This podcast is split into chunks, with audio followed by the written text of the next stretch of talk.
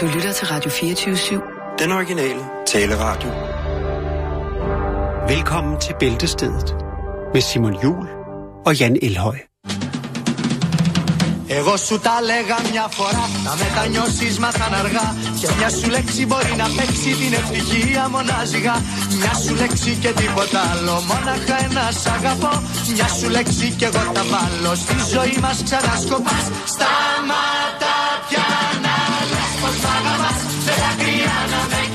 Συγγνώμη πάψε να ζητάς Στα περασμένα να γυρνάς. Όλα τελειώσανε για μας Όλα τελειώσανε για μας. Κι ας μ' αγαπάς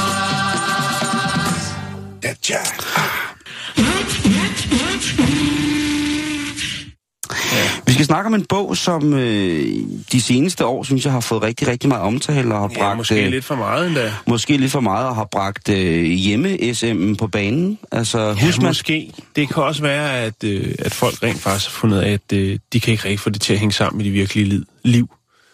Øh, Ja, den måde at behandle hinanden på. ja, også bare få tid til alt det lir.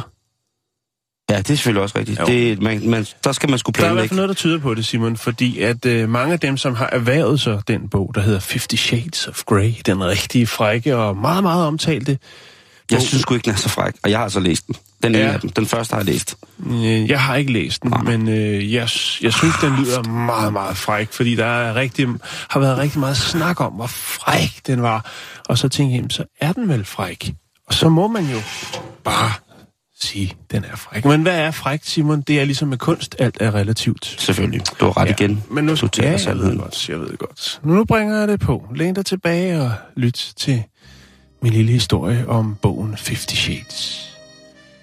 Vi skal til Swansea, det er i Wales, og øh, her der er der en britisk velgørenhedsorganisation, der hedder Oxfarms, som har sådan en øh, genbrugsboghandel. De modtager altså langt flere 50 Shades of Grey, end hvad de rent faktisk kan videresælge. De har Nå. faktisk øh, bygget øh, en hel mur af 50 Shades. De kan ikke komme af med dem, Simon, men de, de, får, de vælter ind ad døren. Hvad skal, altså, hvorfor får de dem? Fordi at øh, folk tænker, nu har jeg læst den, og det fungerer ikke for mig, eller nu kan jeg den uden ad, og udlever alle mine øh, Det er nødhjælp til folk i Syrien. øh, fantasier. Så derfor så vil jeg skille mig af med den. Det kan også være, at nogen tænker, ej, den er simpelthen for fræk at stående, eller ja, jeg er jo bare endnu en, der har købt den. I hvert fald er der mange, der godt vil af med den, og indleverer den til Oxfarms genbrugsboghandel. Øh, boghandel. det har simpelthen gjort, at jamen, de, de, de vil ikke have flere, Simon. Så derfor så har de øh, på deres Twitter og deres Facebook, ja, de er nemlig også på de sociale medier, der har Oxfarms butik i Castle Street i Swansea altså lavet en opdatering, hvor de skriver, øh, I behøves ikke at donere flere 50 Shades of Grey, øh, lige så vinylplader fra 60'erne og 70'erne. De der vinylplader, dem vil jeg da gerne have. Åh oh, ja, yeah, men det kan man så, de, de har nok, Simon. De har nok, det, det men, men, men altså, de har fået så mange 50 Shades of Grey, at de har bygget en væg, siger du. Hvordan mener du? I, jamen, det er en væg. De, jeg går ud fra, at den måske er nede i kælderen. De har i hvert fald stablet dem op her, kan du se. Der Det er en hule. Det er nærmest en hule, ja. Der er en, der har, har bygget den op af sit skrivebord, sådan så her. Det kan være, at en, der ønsker at være i fred og sidde derinde og fordybe sig i den. Men det viser lidt opfang. Jeg skal nok lægge billedet op øh, på vores øh, Facebook-side. Men hvor er jeg dog glad for, at folk ligesom lader den blive genbrugt. Det der, det kunne jo blive for eksempel... Øh, det kunne blive en, Det en kunne blive ordentlig til- palle til... Jeg til synes, det var fint, hvis det var, at øh, vedkommende, som har lavet bogen, skrevet bogen, jeg kan ikke lige huske, hvad, hvad hun hedder. Men det er også ligegyldigt. Men i hvert fald, Inger Støjberg. forfatteren af bogen burde samle alle sammen ind, og når der så kom en to eller en tre, eller hvor langt vi er, så burde man jo øh, genbruge papiret til at lave den nye med. Det ville være smart. Prøv at høre, det er dig, der... Det, du har fuldstændig ret, jo. Ja. Men det vil sikkert også, øh, sådan rent miljømæssigt, vil det jo nok være Ja, det vil være omstændigt. Det var blonde tanker. Men man kan også gøre noget andet med det her, Simon. Og det gør man faktisk i Wales. Og der er måske muligheder i at bruge øh, de her sådan, øh, 50 Shades of Grey, de her ufattelig mange eksemplarer, til noget fornuftigt. Noget, som vil gavne rigtig mange. Jeg synes, det du lige sagde, der lød helt vildt fornuftigt. Ja, men øh, der er også en anden mulighed. Fordi omkring 45.000 bøger, skal der bruges til at øh, kreere 1,6 kilometer motorvej. Det lyder mærkeligt.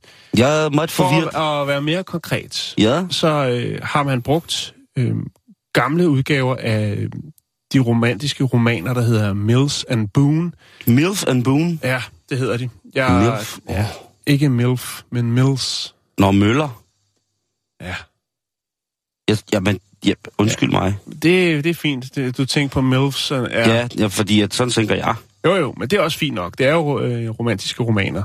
Dem har man altså brugt til at, øh, at forlænge levetiden af en, en af Englands nyeste veje. Man har i alt brugt omkring 2,5 millioner bøger til at øh, opføre den øh, betalingsvej, der hedder M6 Toll. Og det er, hvis man betaler lidt ekstra, så kommer man lidt hurtigere frem. Man kan køre på M6, og så kan du køre på M6 Toll, hvor du så øh, der er lidt mindre trafik, fordi Hmm. at øh, ja, man betaler sig frem i køen. Ikke? Og vejen er belagt med porno. Den er lagt, øh, belagt med romantiske romaner, Simon. øhm, Det siger måske noget om, hvor meget brug der er for øh, romantiske romaner. Vi bygger øh, veje af dem i stedet for. Ja, eller på et tidspunkt, men jeg, det kan jo også godt være, at øh, man til sidst simpelthen har, ikke har plads til alle de romantiske romaner og skiller sig af med sine dubletter eller et eller andet. Jeg tror, jeg skal Men- have fat i nogle romantiske romaner i morgen. Men faktum er, at man rent faktisk har brugt dem her. De er øh, hævet ud af en øh, genbrugsstation, et firma, der ligger i det sydlige Wales, og øh, der har man altså brugt de her bøger, de her romaner, til at lave det øverste lag af motorvejen øh, der i West Midlands. Men- Leverdøren, som hedder Tarmac, og øh, tarmac, det er også det er faktisk et, et specielt lag, man lægger på, på asfalten, som er patenteret helt tilbage i 1901, og det er, vist, det er, når du putter knuste sten på. Det skulle være tarmac, så vidt jeg har kunne læse mig frem til. Jeg troede faktisk bare, det var det engelske ord for asfalt. Jamen, det er det vist ikke. Ikke, øh, fordi der er både asfalt og Ja, der er jo Tarmac. asfalt, og så Ja. er der er Tarmac. tarmac. tarmac. ja. Tarmac. Det lyder lidt tej, faktisk. Hold da kæft. Nå, men altså, den, det man har gjort så, det er, at man har taget den her masse, den her bogmasse, kan man kalde det, så blander man den med, eller den gør det så, at uh, tamakken og asfalten, den holder bedre. Det gør altså asfalten mere holdbar, og plus det så også lyddæmper. Så det er faktisk ret genialt, at du kan køre på øh, 2,5 millioner øh, romaner og lyddæmpe, og samtidig sørge for, at vejen den holder i langt flere år. Hvilket jo selvfølgelig er øh, noget, man sætter pris på. Det lyder lidt som en, en, en hoax, eller øh, Nej, noget, noget andet. altså Men- man fræser er også den- gamle bildæk ned i legepladser, havde han sagt. Lige præcis. Så Men det, det, er jo, det, er jo genialt, og derfor så tænker jeg, altså en 50 Shades of Grey, Motorvej, Ja. hvor man kommer lidt, og kommer lidt hurtigere. Og, og donerer, det er jo, altså, det er jo en form for, for ny hemmelig ingrediens, men den forlænger levetiden af vejen, Simon. Man kan sige, det er ikke bevidst, man har ikke ligesom øh, ringet ned til den her genbrugscentral og hørt, øh, har I rigtig, rigtig mange romaner af de der sådan, uh, Mills and Boone, Mm. så vil vi meget gerne have dem. Det er bare et tilfælde, at det ligesom, jeg ved ikke, det kan have været, det kan have været et lager, der er blevet tømt måske for, for forlaget af, eller Jeg synes, du eller gør hvad det samme i. Danmark. Ja, det, det synes jeg også. Og så synes jeg, at man skal... Fordi... Opkald navnene efter. Nej, jeg synes bare, nu øh, for nogle uger siden, der kørte jeg rundt i Viborg, øh, en by, som jeg jo elsker og holder utrolig meget af, ikke mindst på grund af den store, voldsomme historiske betydning, byen har i den danske historie. Øh, men øh, hvor det dog faldt mig for hjertet, hvor dårlige vejene var i Viborg. Ja. Der var lige sådan et par steder, hvor at, øh, lige omkring, øh, hvad hedder det, to fastfood-restauranter. Jo, øh... men det er også der, der er mest trafik. Om jeg var inde på en af dem, det var dejligt. Ja. Øh, hvad hedder det, men, øh, men, men ellers så var det, altså, sådan i, i byen, sådan i byens små gader, er det dog en synd og en skam at se, at øh, Søren Papes Viborg dog øh, sådan rent transportlogistisk, flademæssigt, Jo. er i så ringe en stand. Det må jeg, det må jeg beklage. Der Men- kunne man jo men- bede alle de folk øh, i Viborg, og der har 50 Shades of Grey, som de gerne vil af med, om eventuelt at lave et eller andet. Men det Så kan de, godt være, at øh, lokalpolitikerne ikke er observante nok på problemet, fordi at de, De er måske vant til det. måske kører nogle hemmelige veje det til og fra. Men Prøv der tænker alt, jeg, der, så, der, er det så alt, hvad der har med Viborg, Søren Pape at gøre, det er hemmelig vej. der må Viborg-borgerne så være lidt kreative. Det har vi jo øh, haft mange historier omkring, hvad folk har gjort rundt omkring, når de har været utilfredse med Mm. for mange huller i vejbelægningen. Der var blandt andet en, der tegnede tissemænd øh, rundt om alle hullerne, og det gjorde altså, at hullerne blev lappet ret hurtigt. Så var der nogen, der var lidt mere hippieagtige og plantede øh, blomster nede i hullerne. Så er der nogen, der fejrede øh, hullernes fødselsdag. Ja, det var i, i, I Rusland, ja, der var nogen, der præcis. simpelthen samledes omkring ja. et stort hul i vejen og øh, spiste kage og øh, fejrede, følges, fejrede hullet i, i vejen. Men altså, Simon, så galt der, var det ikke. der skal altså 25, øh, eller undskyld, 45.000 bøger til at lave 1,6 kilometer motorvej. Det og, tror jeg øh, passer meget godt med, og hvor mange... firmaet øh, Tamak, de siger, jamen det er ikke, altså, det er ikke fordi, vi har noget imod øh, øh, de her sådan, øh, romaner fra Milton Boone. Det var lige, hvad, hvad vi øh, fik til den her. Men hisio- øh, historien er jo sjov. Og jeg tror, at... Øh, må 46.000, siger du? 45.000 bøger. 45.000. Jeg tror, der er omkring så mange... Altså, så mange bøger er... altså, 50, udgaver af 50, Shades- 50 Shades of Grey, er jeg ret sikker på, der er i Viborg omegn. Ulrik Vilbæk, han har i hvert fald de første 12.000 af dem. Jo, ja, det er rigtigt. Han har jo, øh, han har jo faktisk øh, lavet sin endevæg, altså sengegæret fra gulv til loft hjemme hos Ulrik Vilbæk. Det er jo 50 Shades. Susanne Munk Lauritsen, hun hænger i en, øh, i, på et kors af 50 Shades of Grey, og hver aften så skriver Ulrik en ny slutning i en af hans udgaver.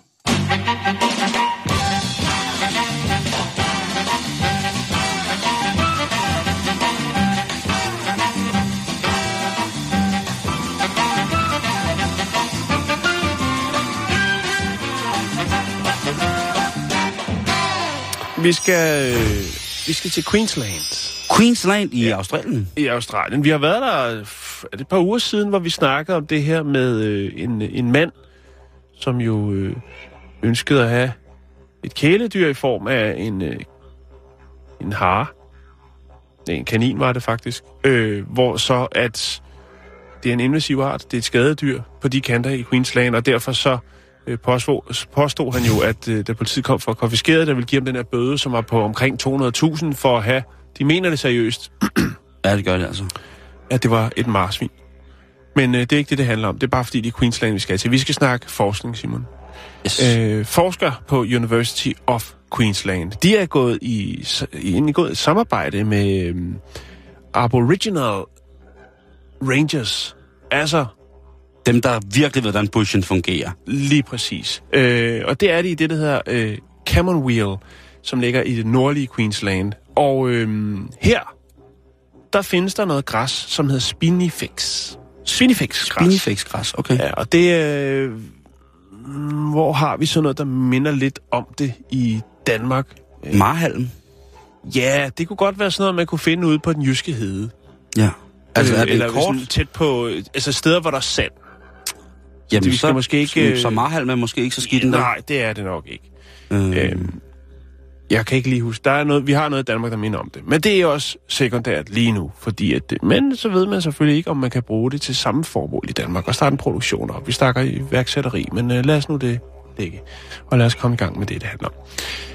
Spinifex-græsset her, jeg er på den, bare så du ved. det er godt, så Jeg jeg kan undersøger. høre, at du... Øh, Jeg sidder nemlig og roder med det. det her græs, som øh, er sådan lidt, lidt stikkende i det, det har man nu fundet ud af i et øh, nyt, unikt forskningsprojekt, at det indeholder lange fibre, øh, som giver en øget holdbarhed til og fleksibilitet til plast og gummi. Og øh, altså man kan sige, de originale, ikke? Mm-hmm. Mm. Aboriginalsene, de, de har jo øh, de har anvendt Spinifex altså i, i flere tusind år i deres kultur. Og de har brugt, ja, hvad har de brugt til mejsler, øh, til at lave spyde af, skeer, gafler, knive. De har brugt det til, de har brugt det i husholdningen. Men nu har man så overraskende nok fundet ud af, at græsset har nogle unikke egenskaber. Øhm, Altså, bare det, du- de ting, som, Som- du beskrev, de har lavet der. kan, ja, som kan øh, revolutionere plastindustrien. Og det er jo så de her øh, lange, fleksible fibre, som der er i græsset. Øhm, og det, man har gjort, det er simpelthen, man har høstet græsset, og øh, så har man, øh, ja, som der står i rapporten, prylet det. Det vil sige, man har... Øh, Man har tærsket det godt man igennem. har øh, stået og, og most det rundt i øh, fysiklokalet. og øh, det har man gjort i Brisbane i et laboratorie, og øh, efterfølgende så har man jo øh, så kunne konstatere, at øh, der er altså noget i de her fibre, der er i Spinifex, som vil kunne gøre rigtig mange ting. Blandt andet, Simon, så vil det kunne indgå i verden, produktionen af verdens tyndeste og stærkeste kondom. Ha! Ja. Det, altså, man har jo taget det her Spinifex og lavet det til, til et pulverform, og efterfølgende så har man øh, lavet et produkt, som man øh, ja, kalder nanofibre.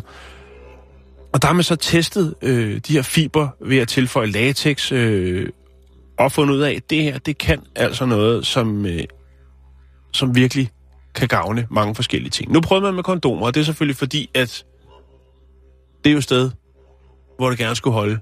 Jeg skulle til at sige i længden, men man skal kun bruge det en enkelt gang. Det var i gamle dage, at man havde et liggende i... Øh, i, I pungen, i baglommen med kæde på? ja, Eller et buskål? en keyhanger.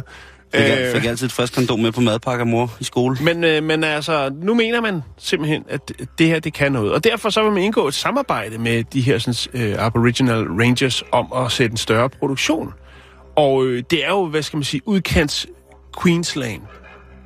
Og øh, det er måske et sted, hvor det vil være godt, hvis man ligesom kunne lave hele farme, hvor man simpelthen dyrker det her sådan, spinifex øh, græs, fordi at øh, der er noget, der tyder på, at det her godt kan gå hen og gavne rigtig mange forskellige industrier. Øhm, det har tiltrukket en masse international opmærksomhed, det her spændende projekt. Nu sætter man så i gang i, hvad skal man sige, et pilotprojekt, hvor man øh, laver, producerer, eller høster, om man vil, 5 kilo om dagen. Øh, det øh, vil altså være nok til, at man kan øh, producere nanocellulose til at indgå i, i et hvert kondom på, planeten. Det vil sige, at man kan lave nye, spændende, holdbare, Ny, ny stærkere endda. stærkere kondomer, Simon. Men efterfølgende, eller videreudviklingen, vil så også være, at man kan putte det, tilføje det til andre plastikprodukter, som har brug for at være En lille smule mere økologisk måske. ja, og også mere fleksible. Og jeg tror ikke kun, man tænker på, man tænker også på industriel brug, nok ikke kun på latextøj og kondomer. Og det er jo, altså nu har jeg lige været inde og kigge lidt på det. Det er derfor, jeg lige har kigget lidt væk, her. Jamen, det er fint. Øhm, hvis man har undulater, ja. så er øh, frø fra øh, øh, Triodia græsfamilien, som er din flereårige stikkende græsfamilie, rigtig, rigtig god øh, i forhold til, øh, til det her, fordi at Spinifex frø er fyldt med dejlig sundhed til dejlig piphans. Ja. Så, så der kan man jo... Øh, ellers er det lidt svært at finde andet, end at det har været kendt, som du selv sagde, i mange år, at, den, øh, den, et, at indholdet af nanocellulose i det her altså kan en hel masse fantastisk. Og nu har man så fundet ud af, at... Øh, at Nu har man kan- brækket det ned. Nu har man splittet det og sagt, det her, det kan noget, og nu kommer der til at ske noget. Simon, det er faktisk sådan så i det, der hedder Outback Australia, altså helt derude, der er det faktisk sådan så, at øh, 30 procent af hele det Outback-område er dækket af spinifex-græs. Så der er gode muligheder. Det er lige derude, Simon, og man kan gøre noget godt for de her lokalområder og de her sådan, øh, rangers, aboriginals øh, rangers. Det er virkelig, en- virkelig en fin plante. Ja, det er det. Jeg synes altså, jeg har set noget, der minder om det rundt omkring. Det kan også godt være, at der er nogen, der har kørt noget øh, import af det på et tidspunkt. Jeg er ikke så stærk i lige præcis øh, Nej, de her græsarter ud i øh, Triodia-familien. Men jeg øh, tænkte, øh, lige så snart der er noget med kondom at gøre, så skulle jeg nok fange din opmærksomhed. Vi skal videre i programmet. du fangede mig også helt vildt. Det gjorde du. Ja, ja, ja. Vi skal have noget Florida nyt. Tak skal du have. Og øh, ja, hvor skal vi starte, kan man spørge sig selv om. Det behøves man ikke at spørge sig selv om, det skal jeg nok svare på. Vi kan starte i det, der hedder New Smyrna Beach i Florida. Dejlig, dejlig øh, sted at snuppe en dukkert, hvis ellers bølgerne ikke er for høj, høje. Øh, det kan de godt være der. Jeg har selv været der faktisk en gang. Og der var der storm, og der var smæk på. Okay. Og jeg elsker at bade høje bølger, men øh, jeg blev revet ind. Ikke fordi jeg var ved at drukne, men fordi det kunne være farligt. Understrøm, Simon. Nå, men lad os bevare fokus på historien. Badesikkerheden er top herfra. Herfra, øh, herfra, hvad hedder det? Men lad os prikke hul på historien og se, hvad den kan give os af oplevelser. Er du klar? Jeg synes lige på stranden i det gode vejr. Vi skal snakke om et øh, gadeskilt. Det lyder måske kedeligt, men tro mig. Når jeg er færdig med historien, Så er jeg død af spænding. så vi, så jeg have været hele følelsesregistret igennem. Okay. Ja, nu slår jeg stort brød op, men øh, der er plads i ovnen. Lad os komme i gang med historien. Vi skal snakke om gadeskilt, Simon, som blev stjålet for næsten 30 år siden. Nu er det så blevet returneret til byens rådhus. De øh, modtog en pakke med skiltet, og øh, det her skilt, Det er lidt specielt. Jeg har fundet et billede af det. Der står, New Smyrna Beach siger nej til stoffer. Og... New Smyrna, okay, ja. Ja. Og det vil sige, at øh, stranden siger nej til stoffer. Og det er ikke en person, men altså de euforiserende, eller hvad man nu har nyt godt af i 80'erne. Hvad var så stort i 80'erne? Det var crack, for eksempel. Ja. Og det er så åbenbart det, man ligesom har prøvet at sende signal om. Man skal ikke gå ned og, og, og lukke op for lysken og hælde alle mulige ting og sager ind, fordi det, det projekt bliver ikke anerkendt fra kommunens side, borgernes side. Og øh, sammen med det her skilt, som blev returneret på rådhuset, der var der også en lille seddel. Og der stod følgende. Kære folk i NSB, altså New Smyrna Beach, øh, I bedes acceptere dette skilt og midlerne til at reinstallere det. Det er min undskyldning. En gang i slutningen af 80'erne stjal jeg det her skilt i et anfald af ungdomlig vildskab. Og vedlagt er der så 50 dollars til at reetablere skiltet på det rette sted. Ej, tænk på sted. alle dem, der har stjålet redningsgrænse for de orange trekanter på de danske badestrande med det blå- blå I flag. 80'erne. Lige præcis. Tænk Ja. på, hvor mange af dem, som skulle... Ja. Altså, jo, men, ja, som har slået bestemt. folk ihjel. De der er folk, der kunne være reddet med dem, ikke? Ja, jo, det jeg tror ikke, der er lavet nogen statistik på det, men... men Det har jeg lige gjort men, inde i men, mit hoved. Ja, og jeg tror også, den holder vand. Hvis du har stjålet en, øh, en redningsring i 80'erne fra stranden, og ikke hængt den tilbage, så er du morder. Potentielt. Børnemorder måske endda. Men, men som det blev sagt her, Simon, så er det jo også øh, den ungdomlige pædofil. øh, vildskab. Nej, det skal vi ikke snart. Okay, det, nej, undskyld. Nå, men altså i hvert fald så er der vedlagt 50 øh, dollars, som ligesom skulle kunne dække øh, reetablering af steden på, eller af skiltet på det rigtige sted. Hele sagen er jo selvfølgelig overdraget øh, fra kommunen til politiet. Og de ønsker ikke at genetablere skiltet. Øhm, de kan jo ikke returnere pengene, fordi der er ikke nogen afsender på.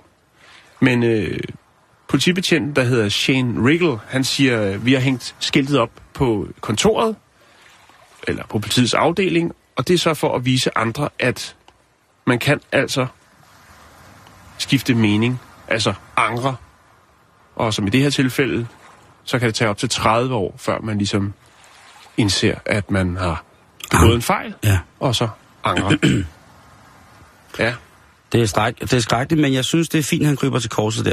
Det må jeg indrømme. Jo, jeg synes, og jeg, jeg øh, forestiller mig måske, at øh, nu er der gået 30 år, ikke? og han er måske blevet 52, og det er på tide at flytte hjemmefra, og så har han ryddet lidt ud i, i godterne derhjemme, og så plade- Pladesamling og sin gamle crack, og alle crackkeeper. sine gamle syvkoster. og så er han ellers bare gået i gang med angre. Det kan også være, at han måske er presset fra en, en kvindelig side. Han måske skal giftes, og øh, så er der altså ikke været så meget opbakning omkring hans, øh, hans øh, vitrinskab fyldt med øh, hælervarer fra en vild ungdom. Og så, øh, og så ja, Helt skotøjsæske fyldt med springknive.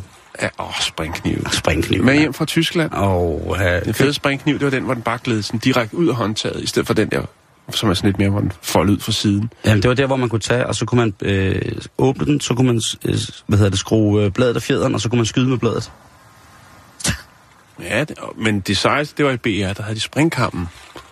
Den var ikke ulovlig. Den du kunne fandme sætte et ondt hår med den. Nede fra øh, Ærlig Bent. Ja, tavlig flint. En klassisk, klassisk spørskæmt-butik. Ja. Ja, så skal vi til Australien. Vi skal snakke om den 42-årige Amina Hart.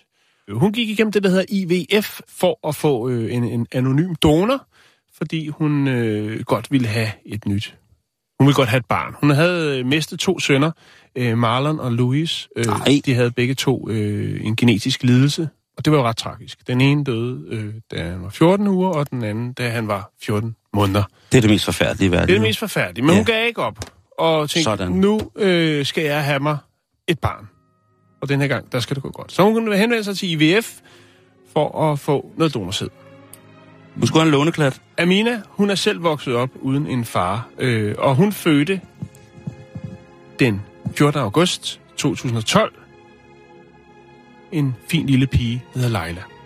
Efter at have gået og tænkt lidt over det i hendes egen opvækst, netop det ikke at have nogen far, så besluttede hun sig altså for at øh, se, om hun kunne opspore den her anonyme donor. Sådan så hvis han ønskede det, så øh, kunne den genetiske far jo have, hvad skal man sige, kontakt til sin datter, hvis han ønskede det. Se, hvad han har delt ud. Ja. Så, det synes jeg egentlig er øh, fair nok. På nogle punkter. Hun øh, gik til øh, fertilitetsklinikken og øh, ligesom forelagde dem hendes, øh, hendes tanker omkring det, og øh, de kontaktede så den anonyme donor. Et år efter, at Leila blev født, der mødtes donoren og så Amina. Det var jo ret mærkeligt, fordi de havde jo noget sammen, nemlig et barn, men øh, de kendte jo ikke hinanden. Men, Simon, december 2015, der står de over for hinanden i kirken og øh, udveksler løfter i Sorrento. Nej! Jo. Amors pile ramte dem hårdt. De blev simpelthen så forelskede hinanden. Og nu stiftede de familie sammen. Det er åbenbart sådan, man skal score damer. Man skal ned og, man skal ned og blive en del af, af låneklatporteføljet, og så skal man bare hooke op. Og så... Det er min barn. Jeg, jeg tror, Det er min barn. jeg tror, Det er min barn. det er jo, der mig! sikkert mange historier, hvor det er ganske forfærdeligt og irriterende ja. og muligt andet. Men det her, det er en smuk, smuk kærlighedshistorie. Og faktisk så har mine Hart øh, gået i gang med at skrive en øh, fin lille bog om øh, familiens historie med titlen How I Met Your Father.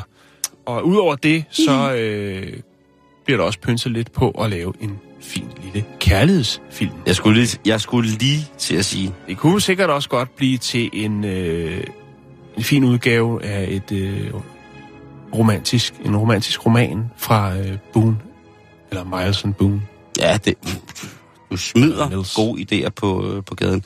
Jeg kommer til at tænke på ham, vi havde en historie om for øh, nogle måneder siden, som altså havde registreret, øh, var det lige omkring 600 øh, donorbørn, som han havde Ja. ja. været far til. Det, kan man, det, det ville være dumt, hvis han Hvis begyndte de på alle det. sammen øh, tænker, Blev forelsket. ja, jeg tænker, ej, det er da godt nok et smukt barn, jeg har fået ud af det her. Jeg må simpelthen finde den biologiske far. Mm. Så kunne han godt få pres ved dørklokken, hvis... Øh, Jeg, jeg har læst forskellige historier, som er det der Ja. ja. med, jeg fandt min donormor, eller hvad det nu var. Jeg fandt min donormor. Nej, jeg fandt min... jeg det er okay, det er mandag, det er mandag, Det er mandag, Jeg skal også lige i gang. Jeg var så oplagt, men jeg kan at, godt... øh, at, øh, jeg fandt manden, der var hvad hedder det, don, sæddonor til mit barn, og nu er vi forelskede. Jeg har hørt om det en eller to gange, men derfra så til, at de bliver gift, og ligesom fører videre, det synes jeg altså er smukt. Også fordi hun jo så, som sagt, har været noget tragisk igennem med en anden mand. Ja. Eller det ved jeg ikke, var det også øh, de der to, der døde, var det også med, var det med en ægte mine, eller var det med låne, Det låneklat? melder historien Nej. ikke noget om. Okay. Det, det gør den ikke. Det er også fuldstændig uvedkommende. Hun har været ude for noget tragisk. Ja.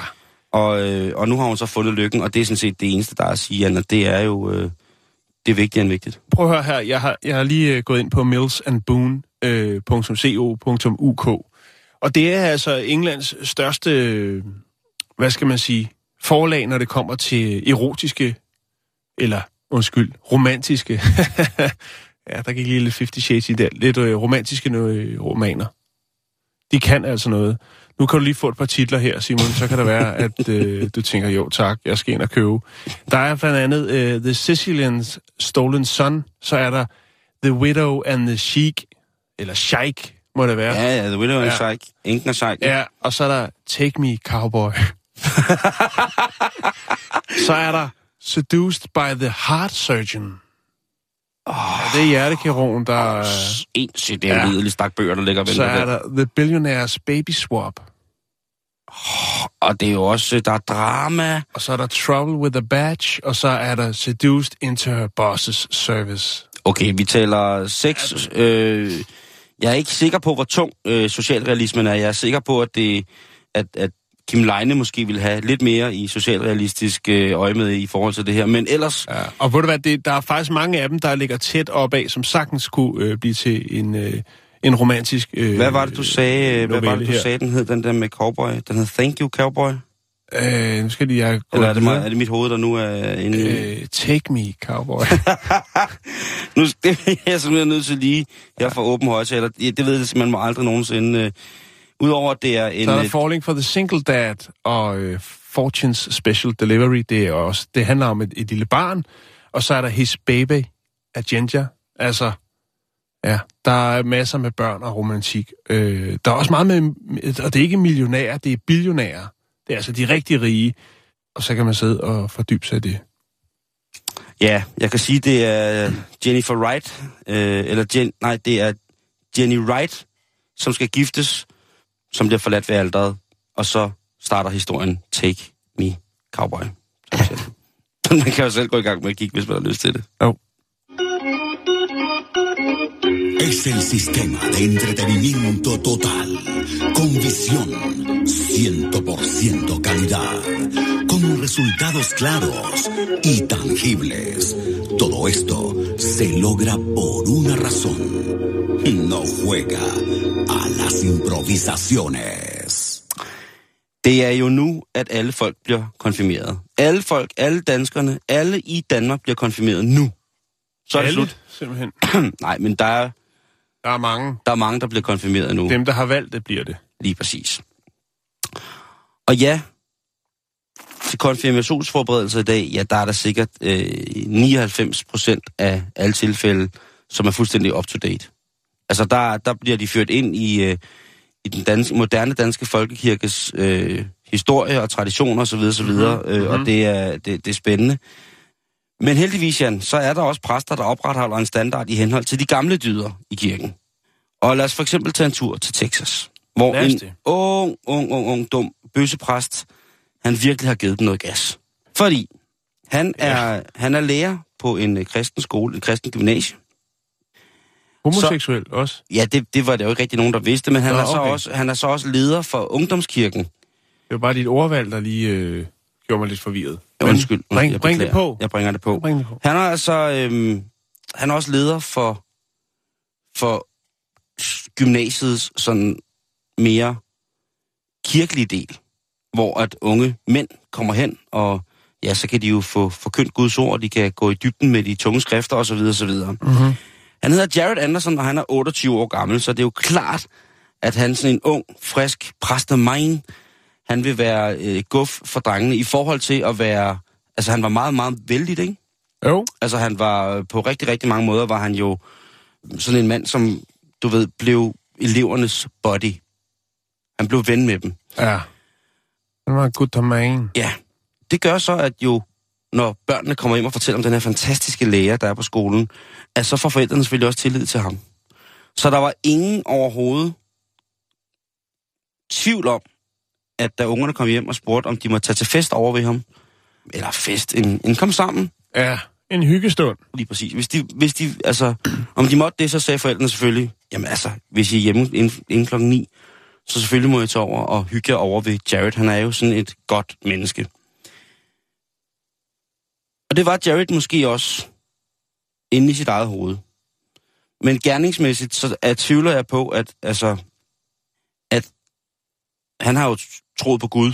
En kristen Gud, katolsk Gud, og jeg tør næsten godt ved med, at hvis han har været øh, en gudsfrygtig mand, så øh, har han godt vidst, at det, han havde gang i, måske var en lille smule til den forkerte side. Fordi det viser sig, at de her aften kom sammen og over ved Jared ikke på nogen måde havde noget med bare at forkynde Guds ord. Oh, Forstå Guds ord. Ja. Lad os sige det på den her måde. Ja, hvis det bare havde været det, så havde du nok heller ikke bragt historien. Så jeg føler, at der er noget under opsejling, som er Det er øh, meget, meget... usmageligt. Det er fuldstændig korrekt, Jan. Øh, en masse drenge mellem øh, i alderen 15 til 17 var med i den konkurrence, der hed øh, Den sidste, der er nøgen, taber. Ja. Og hvad vinder man? Man vandt jo ikke noget andet, end man blev filmet af den, den meget øh, glupske præst. Lige præcis der, der ved jeg, Man at... misbruger sit embede, det er jo... Det er upassende, Simon, det der. Jo, jo, jeg skulle sådan set lidt Får han en straf? Hvad siger du? Får han en straf? Øhm, Han skal have en straf. han er i hvert fald... Øh, han blev arresteret i, Mhm. øh, i onsdags, og han, øh, han har erklæret sig skyldig. Han har Han erklæret har selv skabt øh, beviserne, kan man sige. Lige præcis, og det var det. Var, det, var det. Øhm, han kommer nok ikke til at, at undervise igen øh, i engelsk, som han underviste i. Det kommer nok til at blive øh, en sager blot for ham på den måde. Det trækker lidt ud med det. Øh, men i hvert fald så viser det sig, at, at han har desværre haft, øh, haft gang i rigtig, rigtig mange af skolens unge drenge. Øh, lige nu der er han øh, varetægtsfængslet. Har han krænket dem, eller har han bare... Øh, Nej, han har ikke krænket dem. han har bare lavet de Og der det, lidt, lidt øh, øh, utræer lege. Ja, øh, det der så gør, det, der gør det ekstra spændende, det er, at han har fået de her drenge til måske at krænke hinanden lidt. Okay. Så, øh, så, så det vil jeg bare sige, at øh, hvis dine børn øh, er i Texas, og, øh, og de har en øh, går til konfirmationsforberedelse øh, hos en mand, der hedder Jared Anderson, som er varetægtsfængslet, så skal I stoppe med det. Øh, det, skal, det skal de ikke. Jeg er sikker på, at der er mange, der sætter øh, pris på dit råd. Men godt at vide, at der stadigvæk er nogen, der holder øjnene åbne over for, at, øh, at sådan nogle gamle dyder, gamle kirkelige dyder, som øh, at, at gå til hånde mm. i øh, intim forstand på, på de yngre i kirken, at det skal høre op. Fordi det er, det må jeg sige, Jan, der er sgu, det, det sætter, sætter en skamplet på ellers en øh, nogenlunde øh, fornuftig øh, kirke engang imellem. Der er brødende kar overalt. Og så tillykke, hvis du skal konfirmeres, eller er blevet konfirmeret i weekenden. Tillykke med det. Ja. 寺の衆から何遍も聞かされたやろ最後までお腹のお前を守り抜いて亡くなったてそのおかんの思いをお前かで分かっとるはずやろ Tydeligvis en japaner, der er sur over noget med en kano. Det Rasende. kan du nok regne med. Nå, vi skal til Tennessee i USA. Ja, der er meget stof fra USA i dag. men Mm, de sydstaterne kan er åbenbart klæres. et eller andet. Vi skal til den øh, by, der hedder Alcoa. Og øh, her sværmede politiet rundt omkring øh, Garfield Street, fordi at øh, en ung knægt, øh, som hedder Logan Roy, han, øh, han går i sådan en, en, øh, en, sådan en, en daginstitution, ikke? Han er en knægt på 10 år. Og øh, han kigger ud af vinduet og kan se, at der er en mand, der øh, går ind i hans hus. Han bor på den anden side af gaden, Garfield Street. Mm-hmm. Og øh, det siger han selvfølgelig øh, til, til de voksne, og de ringer til politiet og siger, den er god nok, jeg har så set en mand gå ind i vores hus over på den anden side af gaden. Og øh, politiet, de øh, sværmer lidt rundt, og øh, kan jo konstatere, at der er en mand i huset, som ikke har noget at gøre der. Det tager lidt tid for dem, politiet, ligesom for at vurdere, hvad er det for en mand, der taler om her, og øh, hvad er hans forhavne, hvad er, er han farlig. Der er jo øh, lemfældig omgang med skydevåben i USA, så øh, det kan jo godt være, at det var noget, der kunne... Øh, Og, og syd, sydstaterne specielt er jo glade for krudt og kugler, det kan godt blive Det må man sige, det må man sige. Men Roy, eller ja, lille Logan her, han står jo og øh, jagter det hele fra den anden, gade, anden side af gaden, mens han kan se politiet, de prøver at finde ud af, hvordan de skal konfrontere den her mand. Men manden, han er ganske uskadelig, øh, da politiet de stormer huset. Der er han ikke bevæbnet. Nej, han øh, har taget sin sko af. Han er velopdragen. Han har taget sig et glas vand, og så har han ellers øh, gået i gang med at lege med Lego, og har lavet en fin Lego-opstilling inde øh, på faktisk Logans værelse. Og jeg kender ikke nogen af dem, der bor i huset. Han kender ikke nogen af dem, der bor i huset. øh, jeg har faktisk fundet et, et, et, et billede af hans øh, Lego-opstilling. Må jeg se? Øh, ja, det må du godt. Og øh, så det kan jeg lægge op på Facebook, så kan man jo selv prøve at se, om man kan analysere sig frem til, hvad det skal forestille. Der, der er sådan lidt retssal over det. Og der er en, en hemmelig lem i gulvet over i højre side, og så er der en plante. Og Batman. Og Batman er der også. Wow. Wow. Øh, og det, øh, det er jo så det, han har foretaget sig. Han har også, øh, altså det er jo på sådan en stor grøn Lego-plade, han har sat det op. Og så har han selvfølgelig også lige sørget for at lægge et tæppe ned under, sådan, så det ikke glider rundt, når man øh, sætter det op. Det, Med andre ord, han er, han er professionel til at lege, lege, med Lego. Ja. Han ved godt, hvad der, hvad der skal til. Der var selvfølgelig tale om en øh, psykisk ustabil mand, og det er det jo oftest. Vi har jo haft folk, der har været inde og lave mad og øh, jamen, alt muligt mærkeligt. Og falde i søvn også. Men, ja, men nu har vi så en, gå på der, der, der laver Lego. Det var selvfølgelig en psykisk ustabil mand, også i det her tilfælde, som øh, var gået hjemmefra, øh, fordi at hans, øh, han ikke ville tage sin medicin. Efterfølgende så blev han så bragt til Blount Memorial Hospital, hvor han så øh, ligesom, Fik lov til at få en udredning over, der der er fik han lige, ja. Men var det dog... Øh, jeg, men men øh, Logan, han øh, kom jo over i, på sit værelse senere hen og kunne se den her Lego-opstilling, og synes egentlig, at det hele var lidt sjovt og lidt mærkeligt. Han havde jo ikke gjort noget. Nej. Der var ikke et, at han kunne have lavet mange grimme ting Ja. inde i deres hus, og det har vi haft mange historier om. Men han har altså bare siddet lidt og leget med Lego. ja. Og, og så på en eller anden måde, så er det, at han bare sætter sig ind og leger med Lego, det er også det mest scary shit i hele verden. jo, fuldstændig. Og der er ikke, der er ikke langt mellem de to ting. Øh, lidt ligesom med klovn, ikke Simon? Ja, lige præcis. Det Det, kan være virkelig underholdende, og så kan de også være virkelig der, er, skræmmende. det, der er ikke engang tale om en hårfin grænse, fordi der er ikke nogen grænse. Lige pludselig er den bare overskrevet, og så er du færdig. ja, øhm, hvad hedder det? Jeg synes jo, at øhm, altså Lego, de har jo gjort så meget for ligesom at, at komme med i, i, i... Altså ikke komme med, de har jo altid været der, men øh, i vælten sådan rent øh, socialt, modemæssigt. De har jo lavet hipster-lego, og de har hipster-dukker med fuldskæg, og øh, de har lavet så utrolig mange ting, hvor det ligesom Ja, og, og masser af sådan nogle... Øh, altså, de har udviklet alle deres ting fra de her, sådan, hvor man havde noget med nogle Lego-motorer til noget, der nu er... Altså, hvor der virkelig kan komme øh, spark i, i kreativiteten. Jamen, Det de, har er- lavet, de har lavet alt, jo. Det, de, det er bomben, Ja. det, det må man sige. Men øh, at bryde ind, og så lige gøre det der, ja, den er sgu sådan lidt... Nu skal vi snakke om at æde sig selv, Jan. ja, Og vi taler ikke om i sådan overført det er en betydning. ny restaurant. Øh, det er Nomas nye. De åbner i, øh, i Krakow. Nej, øh, vi skal snakke om en, øh, en gut, som hedder Greg Foot. Og han er sådan lidt en speciel type. Han har noget, der hedder BritLab øh, på, øh, på, hvad hedder det, øh, på YouTube, Ja. som er ret sjovt at følge med i, og han er ikke bange for det. Og han blev for, på, på et tidspunkt spurgt om, øh, hvis man laver det, der hedder hashtag AskGreg, A-S-K-G-R-E-G, så kan man så, ligesom på de sociale medier, få hans opmærksomhed. Mm. Og en af dem, der havde hashtagget AskGreg, det var, hvorfor han ikke, dog ikke prøvede, at, eller hvordan menneskekød smager, når det er tilberedt. Ja. Og det er jo tydeligvis, at En af livets store spørgsmål. meget forstyrret menneske, som skriver lige præcis en besked, fordi at øh, vedkommende jo øh, angiver, hvilken form for tilberedning, der skal til. Altså, at kødet skal være tilberedt, ikke, ikke bare råt. Nej. Ellers så er det en bekymret mor, som har tænkt på at æde lidt af sig selv.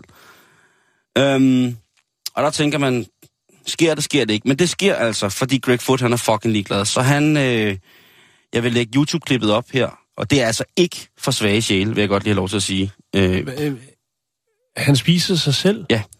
Øhm, han kommer ind på et øh, på en øh, operationsstue, hvor der står en kirurg, og øh, kirurgen han fjerner så noget kød fra Gregs egen ben. Og øh, derefter så tager Greg så hjem og laver lidt mad. Så han hjemme Øh, og marinerer. der tager han hjem og laver lidt mad, hvor at øh, han så bruger sit eget kød.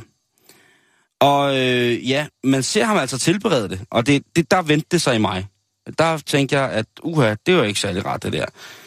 Men han, øh, han står og steger kødet, og han sammenligner øh, stegeduften øh, af menneskekød med en maling mellem, øh, med, lidt øh, som når man steger bruner kød af til en stuning, eller til sådan en, en gryderet. Ja. Det kunne være en bolo. Derefter så, øh, der smider han så det her kød ind i en, øh, en burger. Og det er, jo, altså, det er jo ulovligt at spise menneskekød. Det ved langt de fleste børn over 9 år, at det, man må ikke spise sine venner på den der måde. Og han synes faktisk, det var dejligt. Han skriver i sin første blog efter forsøget med menneskekød, han har hverken haft dårlige problemer, nogen, for- eller hvad hedder det, fordøjelsesproblemer, eller på andre måder været tynget af at spise det, øh, heller ikke moralsk egentlig. Og han siger faktisk, at han synes, hans eget kød smager rigtig, rigtig godt. Øh. Det er godt. Det er en smule sådan oksekødsagtigt, en lille smule lammeagtigt. Øh, og ja, han tror, det er... øhm, Er det noget, han vil gøre igen? Nej, det, det vil han ikke. Nej.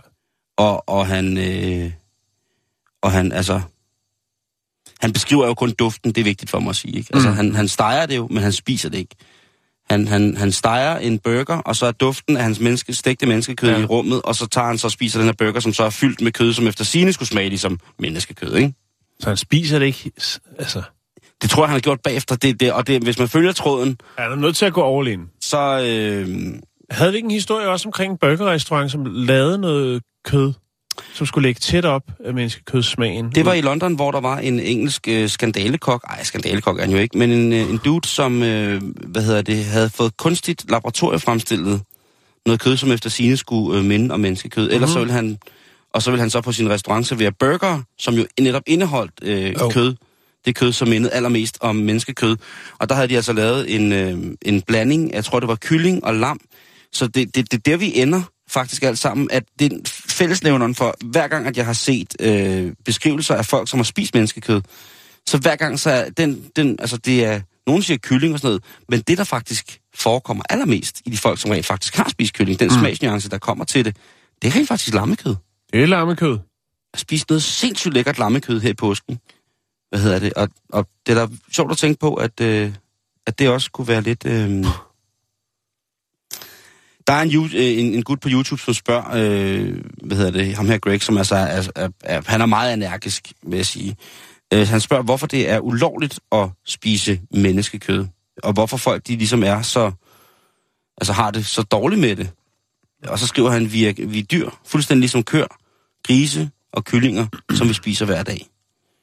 Jo, men vi sætter jo et menneskeliv lidt højere end, øh, end de andre dyr. Ja, heldigvis, ikke? Og, og det er vel derfor, at det vil være upassende. Jo, og jeg har det også lidt sådan, at jeg har, jeg, jeg har jo tit sagt, at en af de ting, som... Altså, hvis den dag bliver lovligt at spise menneskekød, altså... Jeg skal helt sikkert smage.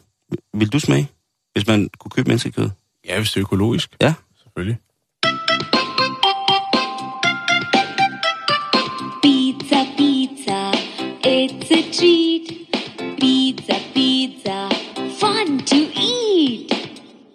Ja, vi, Menneskepizza. vi bliver lidt i, øh, i USA og øh, krimistoffet, Simon. Ja. Øhm, vi skal til Oregon, og vi skal snakke om øh, politistationen, der hedder West Lynn Police Department. Og de er i gang med at uddanne nogle betjente til at håndtere og observere, og øh, hvad der nu ellers skal til, når det kommer til menneskehandel. Og øh, i, i en del af programmet her, undervisningsprogrammet, der øh, bliver efterforskerne undervist i klassen øh, ud fra en annonce, som man har øh, smidt ud på en øh, escort hjemmeside. I klassen er der så en øh, telefon med det øh, telefonnummer, som er angivet i annoncen. Så er det jo så, at øh, potentielle kunder de øh, ringer op øh, for at forsøge at få kontakt til, i det tilfælde, den fiktive 19-årige kvinde West Lynn. Altså samme navn som politistationen. Nej.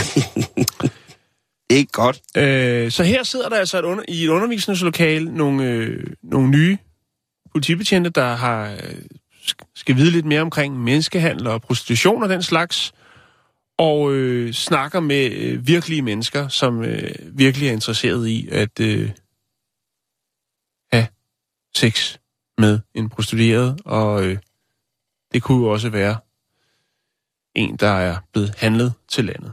Ja. Samme problem, som vi også har øh, i København. Sikkert også andre steder i, i Danmark. Jeg har kun set de der afrikanske kvinder, der render rundt nede øh, omkring hovedbanegården om aftenen. De er ikke alle sammen handlet. Det ved jeg ikke noget om. Der, der, der bor jo også almindelige afrikanere på... Øh, Jo, jo, men de Nørrebro. er, jeg ved ikke, hvor mange... Nå, det Østergade. ved jeg ikke. Ja, ja, selvfølgelig, selvfølgelig. Det er jo heller ikke, fordi jeg siger, at alle der rundt dernede er prostitueret. Der er også mange, der har Jeg vil- øh, jeg vil meget, hårsalonger.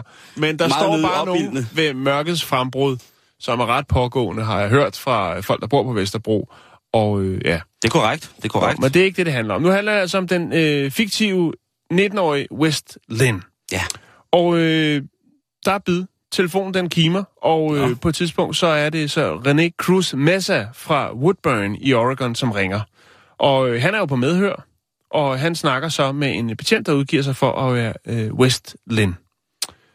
Og øh, de indgår en øh, aftale, og øh, West Lynn giver så René Cruz med Mesa øh, adressen på West Lynn Police Department, altså på politistationen. Mens de holder samtalen kørende her, og han er på vej derhen for at få øh, den ydelse, som han ønsker, øh, så spørger hun selvfølgelig, altså West Lynn, hvad for en bil han kører i, og så videre, og så videre. Han fortæller ham, han kører i, han er gartner, og han øh, kommer i sin øh, arbejdslastbil. Pick up, måske. Og øh, det kunne det godt være, ja. Det er jo, nogle af dem er jo på størrelse med lastbiler derovre. De pickup trucks, de kører i. Nå, men i hvert fald, biler. så øh, møder han jo op, og øh, politiet, de kan jo så gå ud og, øh, og vente på ham. De ved jo, hvordan hans bil ser ud, og så øh, anholder de ham så ude foran politistationen. Altså, det er tavlig lokkemad også et eller andet sted, ikke? Jo, det er det jo. Øh, helt bestemt. Men øh, det er jo også ulovligt, og det er noget, der bliver taget meget seriøst i, i, i USA. Og, noget, Og det er man noget, der skal en- en- misforstås. Stor indsats. Og jeg har set nogle politiprogrammer med, hvor, med betjente, amerikanske betjente, hvor øh, de også øh, kører rundt, hvor der så er en kvinde, der kører rundt og agerer, eller står og agerer prostitueret, og så overvåges hun og øh, andre betjente. Og når så en potentiel øh, kunde dukker op, så bliver de anholdt. Det, det er nogle ret skrappe raids, de laver derovre. Øh. Misforstå mig ret, jeg, jeg er ikke for trafficking. Jeg mener, at alle midler, der overhovedet kan tages i brug, og sikkert mm. også midler, som ikke er lovlige at tage i brug, skal tages i brug for at stoppe det fucking lort. Mm. Altså, sådan har jeg det. Øh, så vidt jeg kan se, og så vidt som øh, Westland politi udtaler, så er det altså første gang, at en øh, klasseværelses, eller øh, en undervisningstime fører til en anholdelse. øh, Men hey, det er, det er sgu den bedste måde at lære på, Jan. jo, helt bestemt. Det må man sige. Det, altså, det kan godt være, det er et fejl trick, man lærer, men det er den bedste måde at lære på. Ja. Det er ude i virkeligheden, du. Smag kagen. I den undervisningsteam, der kom der 38 øh, opkald på telefonen til West Lynn, og øh, 16 af disse opkald, de øh, nåede helt ud i klasseværelset, hvor alle så kunne sidde, og, eller undervisningslokale, hvor alle kunne sidde og lytte med til samtalerne. Nå, nu skal du høre her, vi skal, øh, vi skal en tur til USA. Vi Ja. skal til Michigan, vi skal til den by, der hedder Flint. Åh, det er jo en dejlig by, hvis man for eksempel har set øh, den fantastiske film, som Flintstones? hedder... Nej, den, øh, det er en Will Ferrell-film.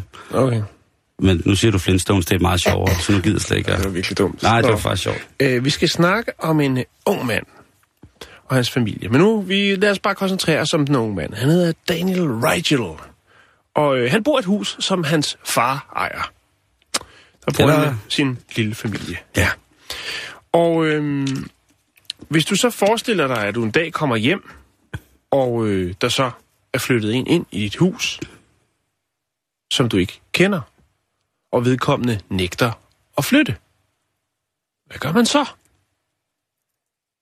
Det er den udfordring, som Daniel står overfor. Hvis man, hvis man bor et hus, nogen ejer, og man skal flytte ud, Han, nej, det der er i det, det er, at Daniel, han, øh, han skal lige på, han er et par dage væk. Han skal ja. Med sin familie til noget familiearrangement, Mhm. mm-hmm. og de er ude af byen, og så beder han en af sine venner om at, øh, kig efter huset. ja, lige at kigge efter huset. Ja, ja, ja, selvfølgelig, det gør Vennen man da. har så en veninde, som på givende tidspunkt ikke har noget sted at bo.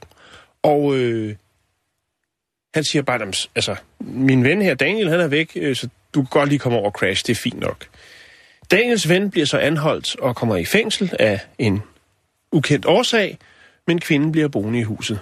Og øh, da Daniel så kommer hjem med sin familie, så bor kvinden der stadigvæk. Og øh, det har hun gjort i en måned nu.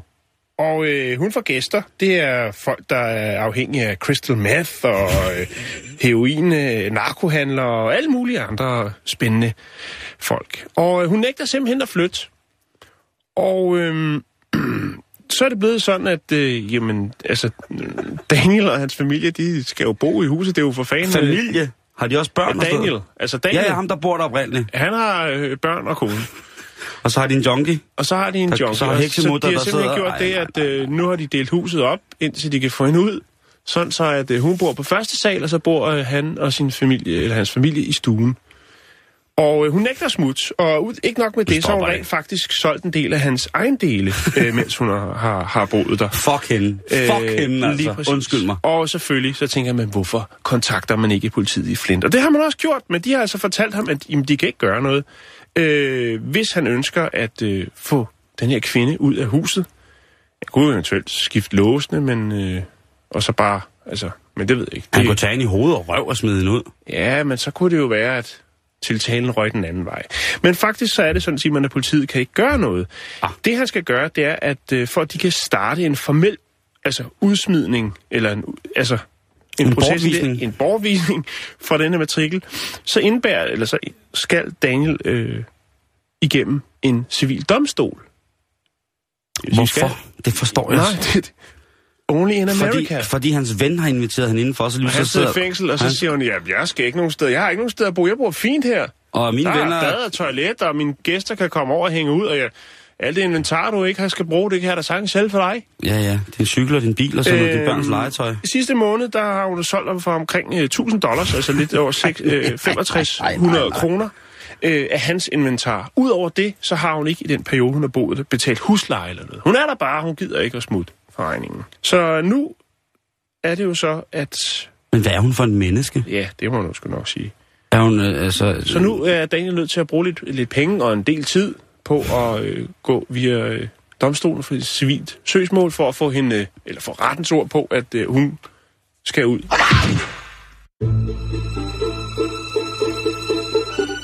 Du lytter til Radio 24 /7. Om lidt er der nyheder. Thank you.